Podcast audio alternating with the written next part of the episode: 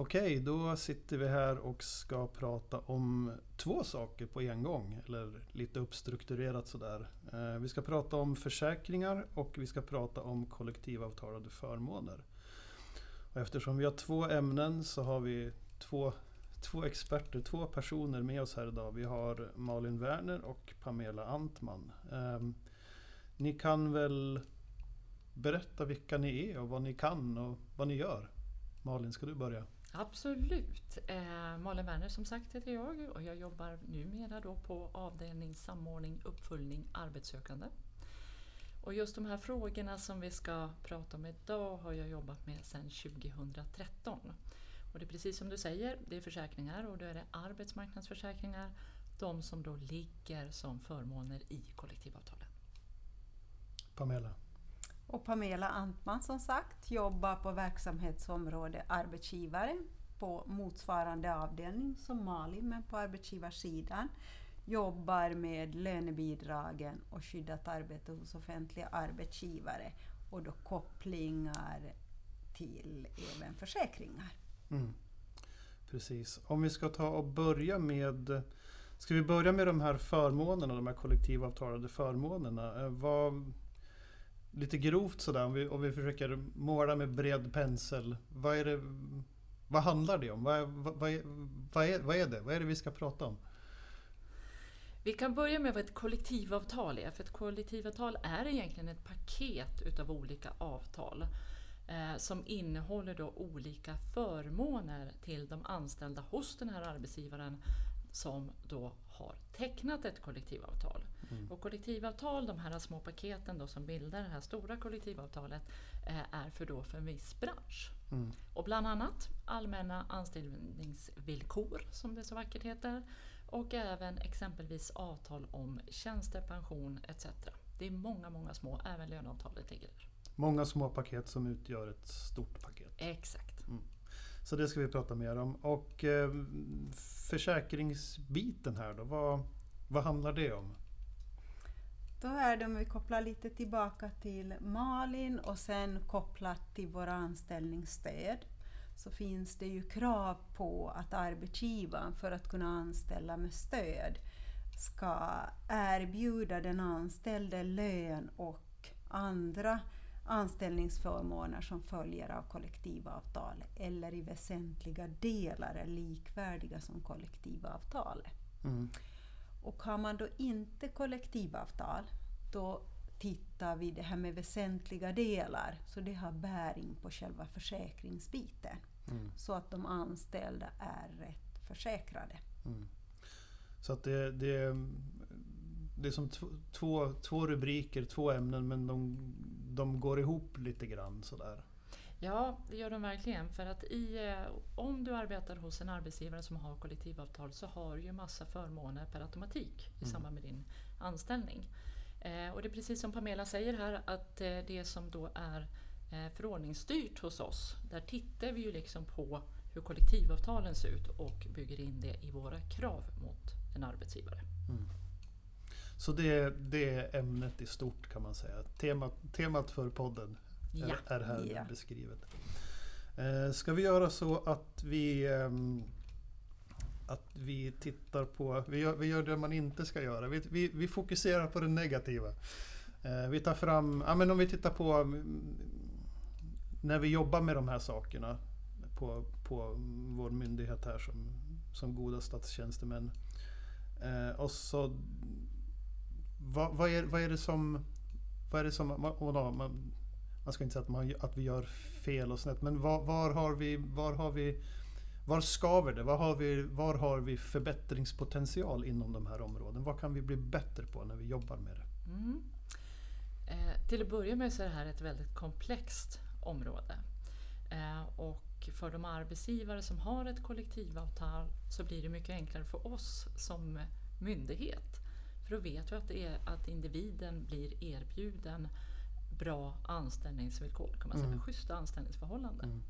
Mm. Eh, men där det skaver väldigt, väldigt mycket det är att om man inte har kollektivavtal eh, så för att vi ska kunna granska inkomna handlingar i form av försäkringsbekräftelser eller försäkringsavtal så måste vi ju veta som myndighet huruvida individen kommer att klassas som arbetare eller tjänsteman. Just det.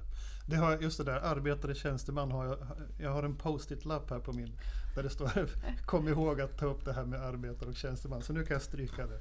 Ja, bra. Ja. Och, och, det där är, det är inte så himla lätt. För om man tittar i kollektivavtalen så har ju de en tolkning på hur arbetare och tjänsteman ser ut. Mm. Men för då arbetsgivare som inte har kollektivavtal, det är bra att poängtera inte i det här fallet, mm. för då är det avgörande på arbetsuppgifternas art. Och då säger man lite grann utifrån domstolsbeslut att man ska till övervägande del, alltså minst 51 procent, ha arbetsuppgifter åt arbetarhållet eller då tjänstemannahållet. Mm. Och på tjänstemannasidan så brukar man teckna det som administrativa, ledande och eller kontrollerande arbetsuppgifter. Mm. Då klassas man som tjänsteman. Och, när vi, och i den klassningen, det är där det kan, det är där det kan bli fel? Då. Ja, mm. och det är jättesvårt. Och det här har ju bäring både på lön och givetvis då även försäkringar. Mm. För skulle du råka på att vara felförsäkrad då är det säkert med störst sannolikhet så har du ingen ålderspensionsavsättning den dagen vi går i pension. Just det, då, får du, då blir det tråkiga konsekvenser längre fram. Ja, jättetråkigt. Mm. Ja. Mm. Pamela, vad kan du berätta om det här det negativa? Är, nej, jag tänker det som Malin också är inne på, det som är, som du nämnde Malin, så är det komplext. Mm. Och det är ju just när en arbetsgivare ska anställa med stöd och de inte har kollektivavtal för där behöver vi då kontrollera att den anställde är försäkrad, att arbetsgivaren har de försäkringar som i väsentliga delar är likvärdiga enligt kollektivavtalet. Mm. Och då om man tittar på väsentliga delar, då har vi som myndighet sagt att eh, man ska teckna som arbetsgivare, eller vi har krav att, teckna, att arbetsgivaren tecknar de försäkringar som är möjliga att teckna på den öppna arbetsmarknaden, därav väsentliga delar. Och då även om, som jag nämnde lite innan, så för våra anställningsstöd, om vi tar lönebidragen och vi tar anställningsstöden som regleras i förordningen för särskilt anställningsstöd, introduktionsjobb och extratjänst, så ser förordningstexten likadan ut när det gäller just försäkringsdelen. Just det. Men själva tolkningen eller vad vi kräver är, blir annorlunda. Mm. Och det är bland annat utifrån på lönebidragen är till för personer med en funktionsnedsättning. Och där går det inte att teckna lika många försäkringar som om det är en person som inte har en funktionsnedsättning. Just det. Varför det? För här är det eh, eh, försäkringsvillkoren ser ut så att de begränsar, försäkringen omfattar inte personer som till exempel har ett anpassat arbete. Ska våra kamrater ute i linjeverksamheten kunna titta på de här villkoren eller finns det något stöd för det? Det finns ett stöd. Vi, har, vi tar upp en, varje år en lista över godkända försäkringar för respektive stöd. Och när det då gäller lönebidragen så har vi idag, det är framförallt tjänstegrupplivförsäkringen, TGL, mm. där vi har sex försäkringsbolag på marknaden som har sagt att de är villiga att även man får teckna försäkringar för personer som har en anställning med anpassat arbete och har en funktionsnedsättning. Suveränt. Just det. Eh, så så kan det se ut eh, ute i verkligheten. Ehm, det, här är liksom områden där det kan, som vi sa, skava och skorra lite. Där vi kan, där vi kan, eh, ja, där det kan gå lite snett och där det kan, där det kan få konsekvenser längre fram då, om, vi gör, om vi inte gör helt som vi ska. Om vi tittar lite mer på det här med att göra som vi ska och göra rätt saker. Om vi, finns det någonting som ni ser som man kan göra i det man gör? Som, alltså hur blir det, det här med lätt att göra rätt? Har ni någonting att säga om hur man gör det inom de här områdena? Alltså vad, vad kan man tänka mig för att, för att det ska bli bättre?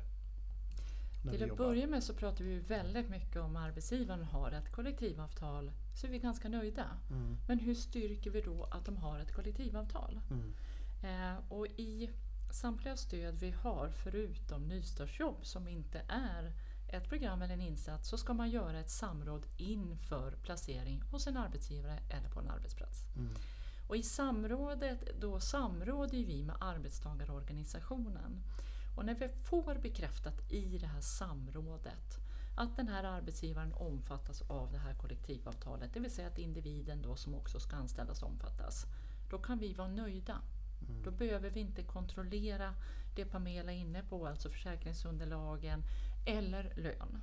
Mm. Men vad händer då om vi inte får svar i samrådet fast arbetsgivaren säger att ja, men jag har ett kollektivavtal? Vad händer då Pamela?